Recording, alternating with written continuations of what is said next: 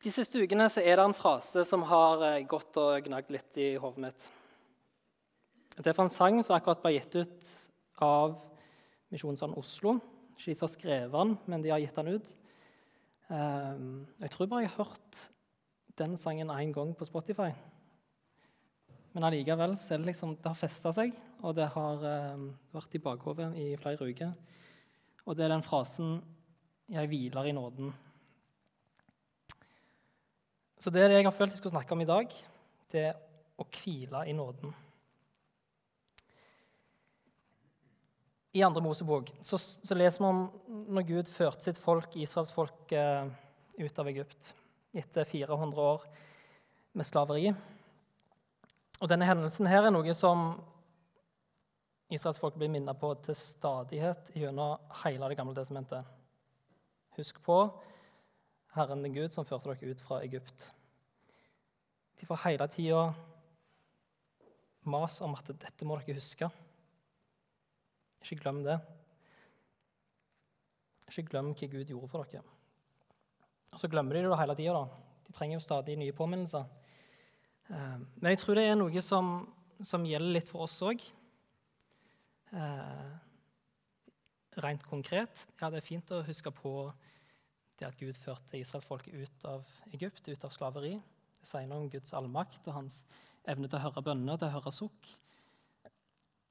Men inn mot tematikken i dag tenker jeg det er viktig det òg at vi trenger å bli minnet på hva Gud har gjort for oss gjennom Jesus. Vi trenger stadig å på en måte bli minnet på hva som skjedde.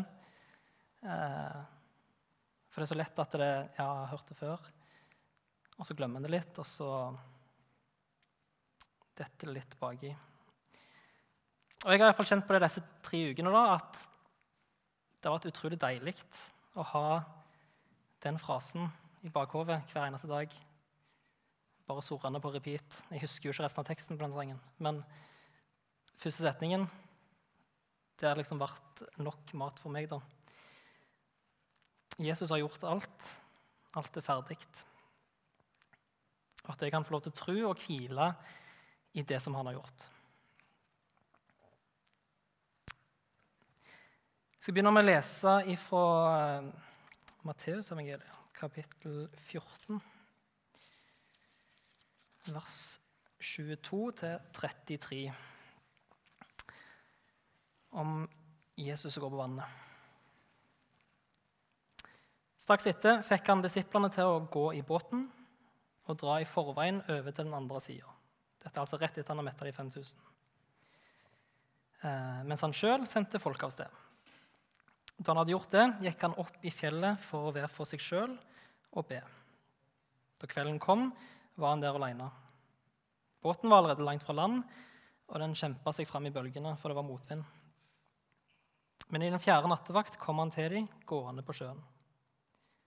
Da disiplene fikk se han der han gikk på vannet, ble de skrekkslagne. Det er et gjenferd, sa de, og skreik av angst. Men i det samme så talte Jesus til dem. Vær ved godt mot, det er jeg. Vær ikke redde. Da sa Peter til ham, Herre, er det deg som sier at jeg skal komme, komme til deg på vannet? Kom, sa Jesus. Peter steg ut av båten og gikk på vannet bort til Jesus. Men da han så hvor hardt det blåste, ble han redd.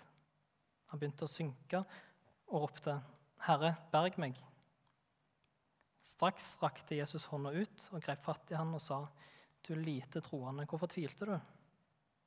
Så steg de opp i båten, og vinden stilna. Men de som var i båten, tilba han og sa, 'Du er i sannhet Guds sønn.'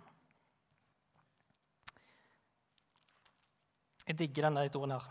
Der er så utrolig mye mat å hente på så mange ulike plan. Um, alt ifra Jesu kall til Peter om å gå ut av båten. Um, at, Jesus, at, Peter går på dette kallet, stoler på Jesus. Um, disiplene sine reaksjoner. Det er, er, ganske mye å. Men i kveld så er det to ting jeg vil trekke fram her. Og det første gjelder Peter og hvor blikket hans er festa. For Jesus har kommet bort til båten. Peter har gått ut av båten eh, på Jesu ord. Og når han først da er utenfor båten, hvor er blikket hans festa? Jo, det er i starten festa på Jesus. Det første steget var ganske enkelt, virker det som. Det gikk liksom greit. Eh, men etter hvert så begynner han å synke. Det er en litt rar setning, syns jeg. For du begynner jo ikke å synke. Det tar ikke mange sekunder fra du er oppå vannet til du er helt under. En liten sånn parentes da. Men, men, hvorfor begynner han å synke? Er det fordi han, fordi han ikke trodde hardt nok? Jeg tror ikke det er det det handler om, men han lot seg bli distrahert når han flytta blikket over på omstendighetene, så hvor hardt det storma rundt han.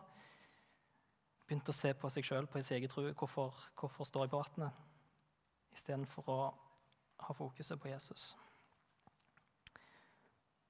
Det var Peters tru så fikk han til å be Jesus om å kalle ham ut på vannet. Og det var trua så fikk han til å gå på vannet. Han hadde blikket festa på Jesus. Men det var jo ikke trua i seg sjøl som ville gjøre at han ville holde seg oppe på vannet. Han kunne ikke holde seg på vannet med å se på sin egen tru.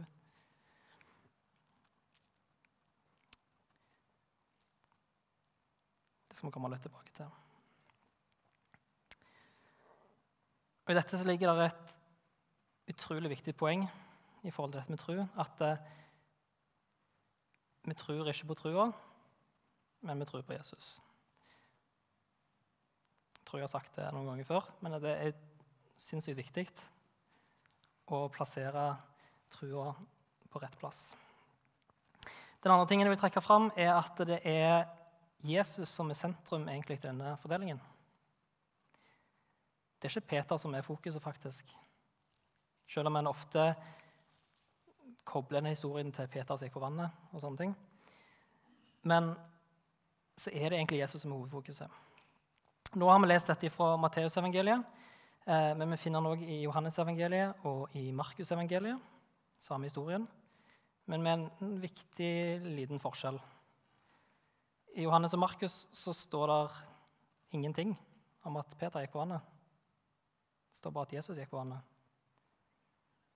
Det er jo litt rart på en måte. Jeg vil jo si det er en begivenhet hvis at eh, Peter går på vannet. liksom. Det er noe som er verdt å fortelle om. Men jeg tror litt av poenget med det er at eh, det er faktisk Jesus som er sentrum i, i det som kommuniseres her. Um, for denne historien den kommuniserer hvem Jesus er, at han er Gud. Han før alt, og i han blir alt holdt sammen. I han er alt blitt skapt, i himmelen og på jorda, det synlige og det usynlige. Troner og herskere, makter og åndskrefter. Alt er skapt ved ham og til ham, står det i Kolossene 1, 16-17. Og Det som òg er interessant her, da, er at Jesus visste stormen kom. En allvitende Gud visste det ville skje Allikevel insisterte han på at disiplene skulle reise i forveien. Hvorfor gjorde han det? For det første så kan en si det at uh, Gud kan gi oss prøvelser, at han kan lede oss inn i utfordringer. Men utfordringen her ligger i hvordan de velger å handle på det. Det handler ikke om når det gjelder der midt i stormen, at de skal bli verdens beste roerteam ut fra Oxford. Det handler om at de skal invitere Jesus opp i båten. Det er han som kan stilne stormen. Så selv når det stormer, hvis vi inviterer Jesus inn, så kan han få lov til å ta vår bekymring og vår utfordring. Jeg kan lese ifra Kolosserne 1,11.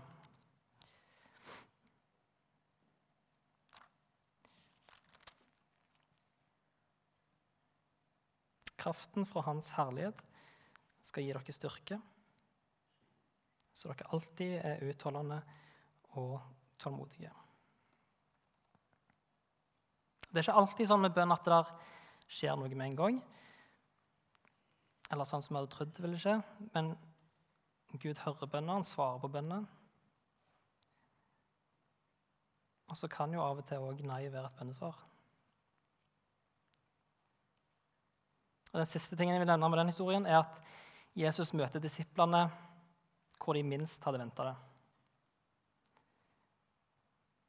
De hadde ikke sett for seg at Jesus var på fjellet og ba. og Sendte vekk folk og sånn. De hadde ikke sett for seg at han skulle komme gående der. Men han møter de der. Og Det kan gjelde for oss òg, at vi kan møte Gud på underlig og uforventa vis.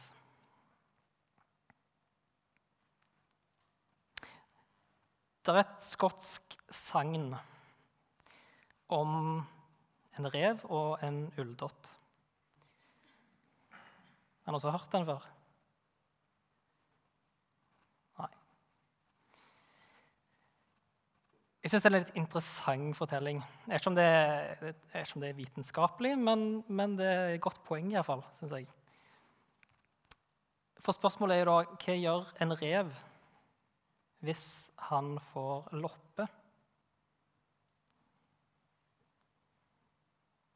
Ingen som vet? Nei.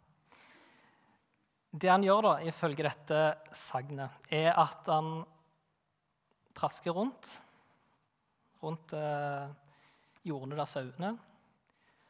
Så ser han etter om han kan finne en, eller annen ulldott som har festa seg i gjerdet eller i gresset en eller annen plass. Tar han den ulldotten med munnen, og så trasker han videre til ei elv. Når han kommer til den elva, så snur han seg 180 grader. Og så begynner han å rygge dykke seint ute i vannet. Bakbeina først, bare sånn bitte litt. Og så ser du loppene de ligger i vann, så de klatrer litt oppover. Går han enda mer uti, så er forbeina uti. Så forsvinner de oppover der òg. Sakte, men sikkert så går han mer og mer uti. Til slutt så er magen nede i vannet. Alle loppene er oppå ryggen og koser seg. Så er det bare hodet som stikker opp. Så er det bare snuten. Og til slutt så er jo da alle loppene over på den ulldotten. Kjempetriks. Og når det har skjedd, så bare slipper han ulldotten, så fyker den med elva. Så kan han gå opp gjennom vannet helt rein. Jeg vet ikke om det er sant, men det er utrolig kult, syns jeg. Kul historie. Kult poeng da, inn mot trua, tenker jeg. For vi er alle rever, og Jesus er en ulldott. Så vi får lov å komme til Jesus. Han tar all synden vår på seg, og vi får gå opp av, regn, av vannet og har vaska oss helt rene. Hvis vi leser i eh, Hebreerbrevet, kapittel 9, vers 11-12 men Kristus har kommet som øverste prest for alt det gode vi nå har. Han har gått gjennom det teltet som er større og mer fullkomment, og som ikke er lagd av menneskehånd. Vil si, som ikke tilhører denne skapte verden. Ikke med blod av bukker og kalver, men med sitt eget blod gikk han inn i helligdommen en gang for alle og kjøpte oss fri for evig. Det høres jo fryktelig lett ut da, når en legger det fram sånn.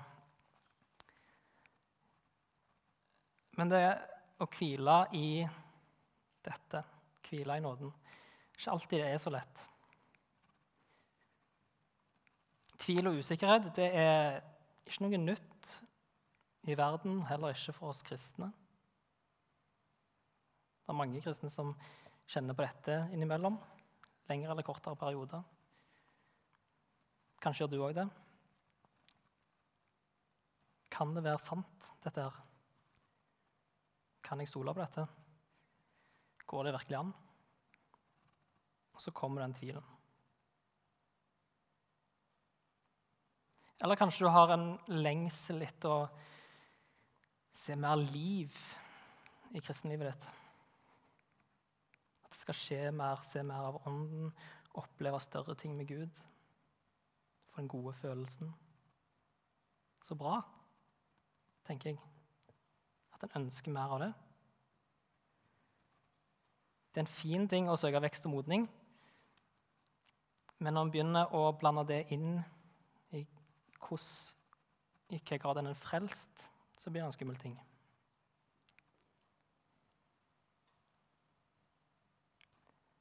At, ikke, at om en ikke opplever disse store, flotte følelsene, så er det noe galt med, med frelsa mi. En må sortere litt riktig i akkurat det. Eh, og da er det eh, tre ting som jeg vil si en må sortere litt i. Det ene er kjensgjerning, andre er tru, tredje er følelser. I den rekkefølgen. Kjensgjerning, tru, følelser. Begynner han å mikse om på det, så blir det bare tull. Og Da er han tilbake til utgangspunktet, at det er vrient. Så altså for det første kjensgjerning. Eh, litt ukjent ord.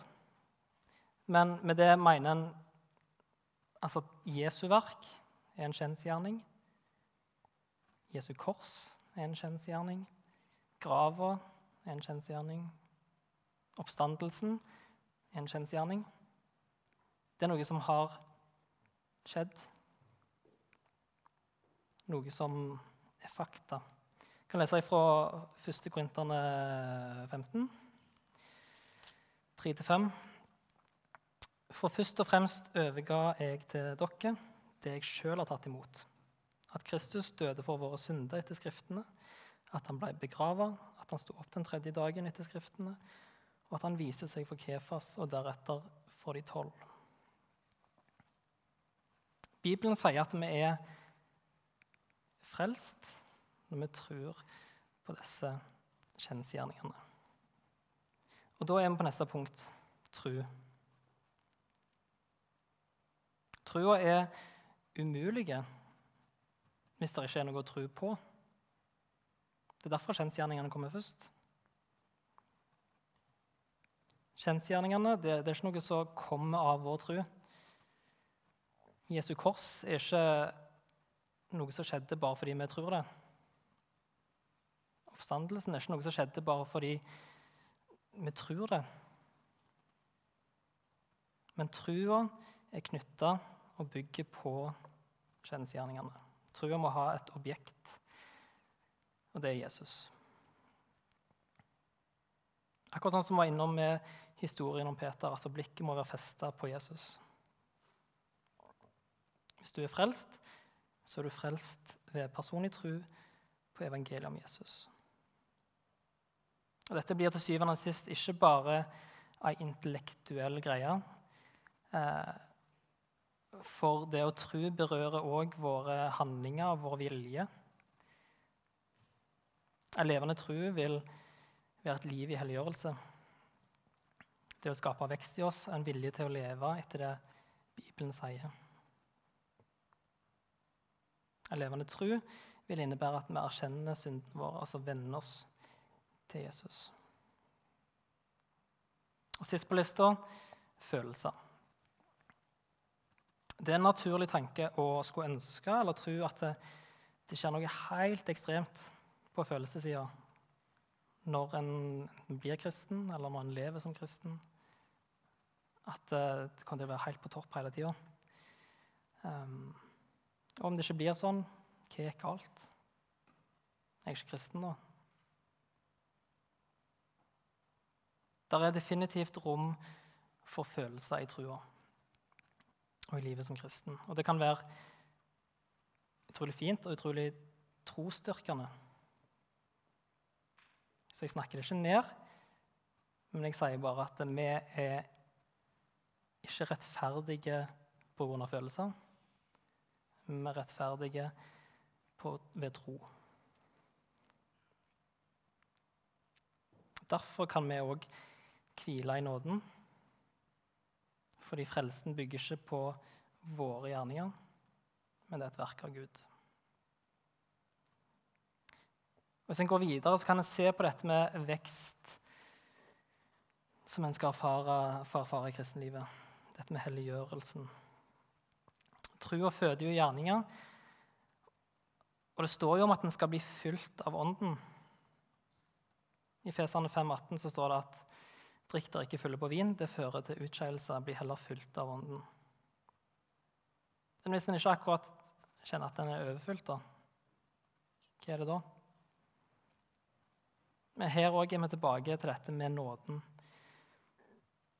For det å bli fylt av Ånden, det er noe som krever et opprydningsarbeid i deg. Og Nå kommer det et bilde. Jeg skal ikke dra det bildet veldig langt. Eller jo, det skal jeg. Men se for deg at uh, livet ditt er et hus med mange rom. Kommer Jesus, banker på døra. Du syns det er hyggelig, du slipper han inn. Og Så ser han svinestien som er i stua di, og spør om han kan få lov til å rydde opp litt. Sier du ja, det, det var fint. Tar han altså alle disse gamle pizzaeskene og døde mus bak sofaen og det som er, rydder opp, shiner, fjerner røyklukt, så at stua ser helt plettfri ut. Neste slipper du inn på soverommet, på gjesterommet, kontoret, badet, kjøkkenet. Huset skinner. Så begynner du kanskje å kjenne litt på det at ja, det var jo litt digg, da, sånn som det var før. Kanskje sender du ja, nei, jeg vil ha soverommet mitt tilbake. Styre litt der sjøl. Kanskje blir det mer, kanskje blir det mer. Kanskje til slutt så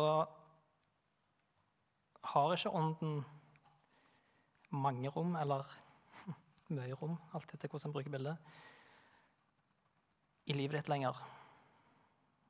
For du har ikke sluppet den inn i alle rommene.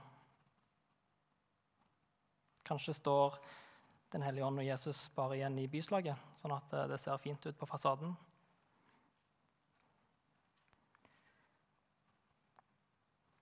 Ja, det er kanskje å dra bildet litt langt, men jeg tror det er et poeng. Å bli fylt av Ånden krever opprydningsarbeid. Men det er det uansett ikke du skal stå for. Det er å hvile i nåden. Slippe Jesus inn og la han få ta det opprydningsarbeidet for deg.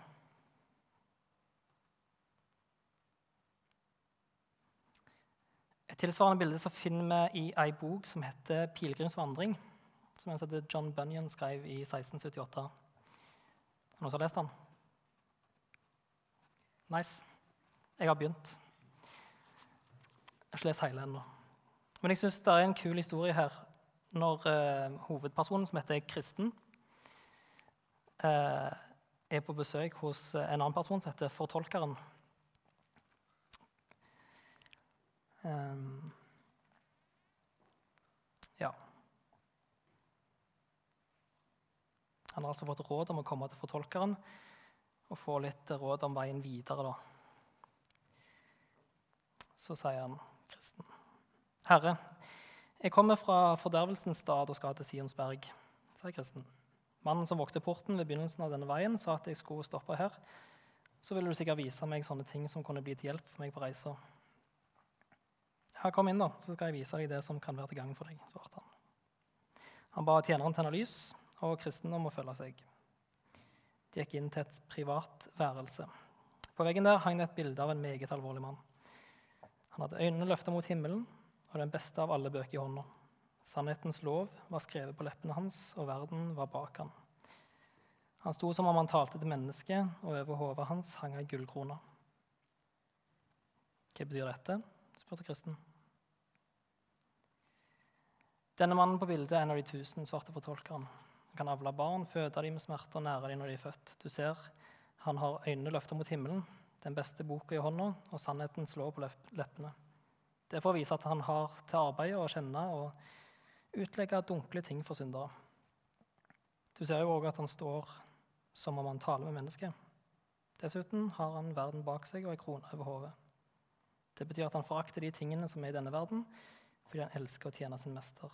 Han er sikker på å få salighet til lønn i kommende verden. Nå har jeg vist deg dette bildet først. For den mannen som det forestiller, er nemlig den eneste som har lov til å hjelpe deg over de vanskelige stedene du møter på veien. Det er Herren på det stedet du skal til, som har gitt han lov. Ta nå vare på det jeg har vist deg, og husk godt på det du har sett. Så vil du skjønne det om du treffer noen som gir seg ut for å lede deg riktig, men egentlig vil føre deg i døden. Så tok han kristen i hånda og førte han inn i en stor sal som aldri hadde vært vaska, og derfor var fryktelig støvete.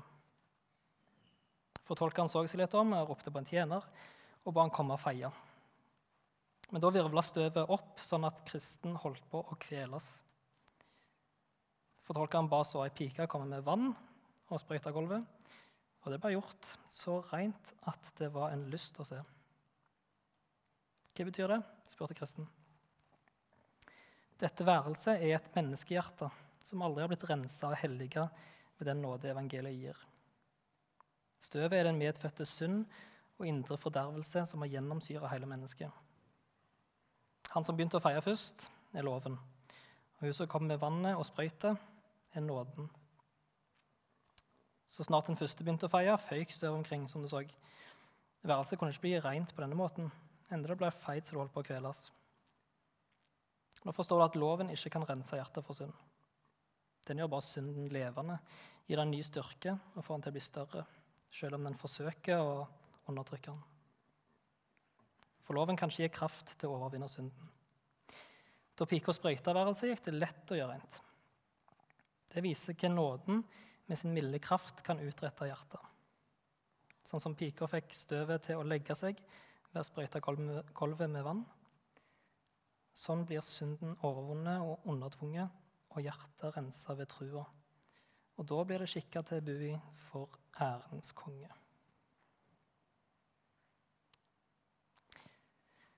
Det er nåden det står på. Det er den som redder oss. Så vi går til Romerne 3, 21-28. Men nå er Guds rettferdighet, som loven og profetene vitner om, blitt åpenbart, uavhengig av loven. Dette er Guds rettferdighet som gis ved trua på Jesus Kristus til alle som tror. Her er det ingen forskjell, for alle har synda og mangler Guds herlighet. Men ufortjent og av Hans nåde blir de kjent rettferdige, frikjøpt i Kristus Jesus. Han har Gud stilt synlig fram for at han ved sitt blod skulle være soningsstedet for de som tror. Slik viste Gud sin rettferdighet. For han hadde tidligere i tålmodighet holdt tilbake straffa for de synder som var begått. Men i vår tid vil han vise sin rettferdighet både at han sjøl er rettferdig, og at han kjenner den rettferdige som tror på Jesus. Hva har vi da å være stolte av? Ingenting. Hva lov sier det? Gjerningenes lov? Nei, troens lov. For vi hevder at mennesket blir rettferdig ved tro uten lovgjerninger. Vi er frikjøpt i Jesus og kjent rettferdige. Punktum. Det er en setning i en Hillsong-sang som jeg ikke husker hva heter, men den går sånn her When you say it is done, it is done. Og Det er så utrolig viktig å få fram og bygge troa si på. Når Jesus på korset sier at det er fullbrakt, så er det det. Det er ferdig. Det er ingenting for oss å legge til. Og hvis Jesus da hviler etter sitt fullførte verk, så kan vi òg få lov til å hvile i det. Vi kan hvile i nåden. Der skal jeg avslutte, og så skal vi få lov til å synge den sangen som jeg nevnte i starten. Jeg hviler i nåden.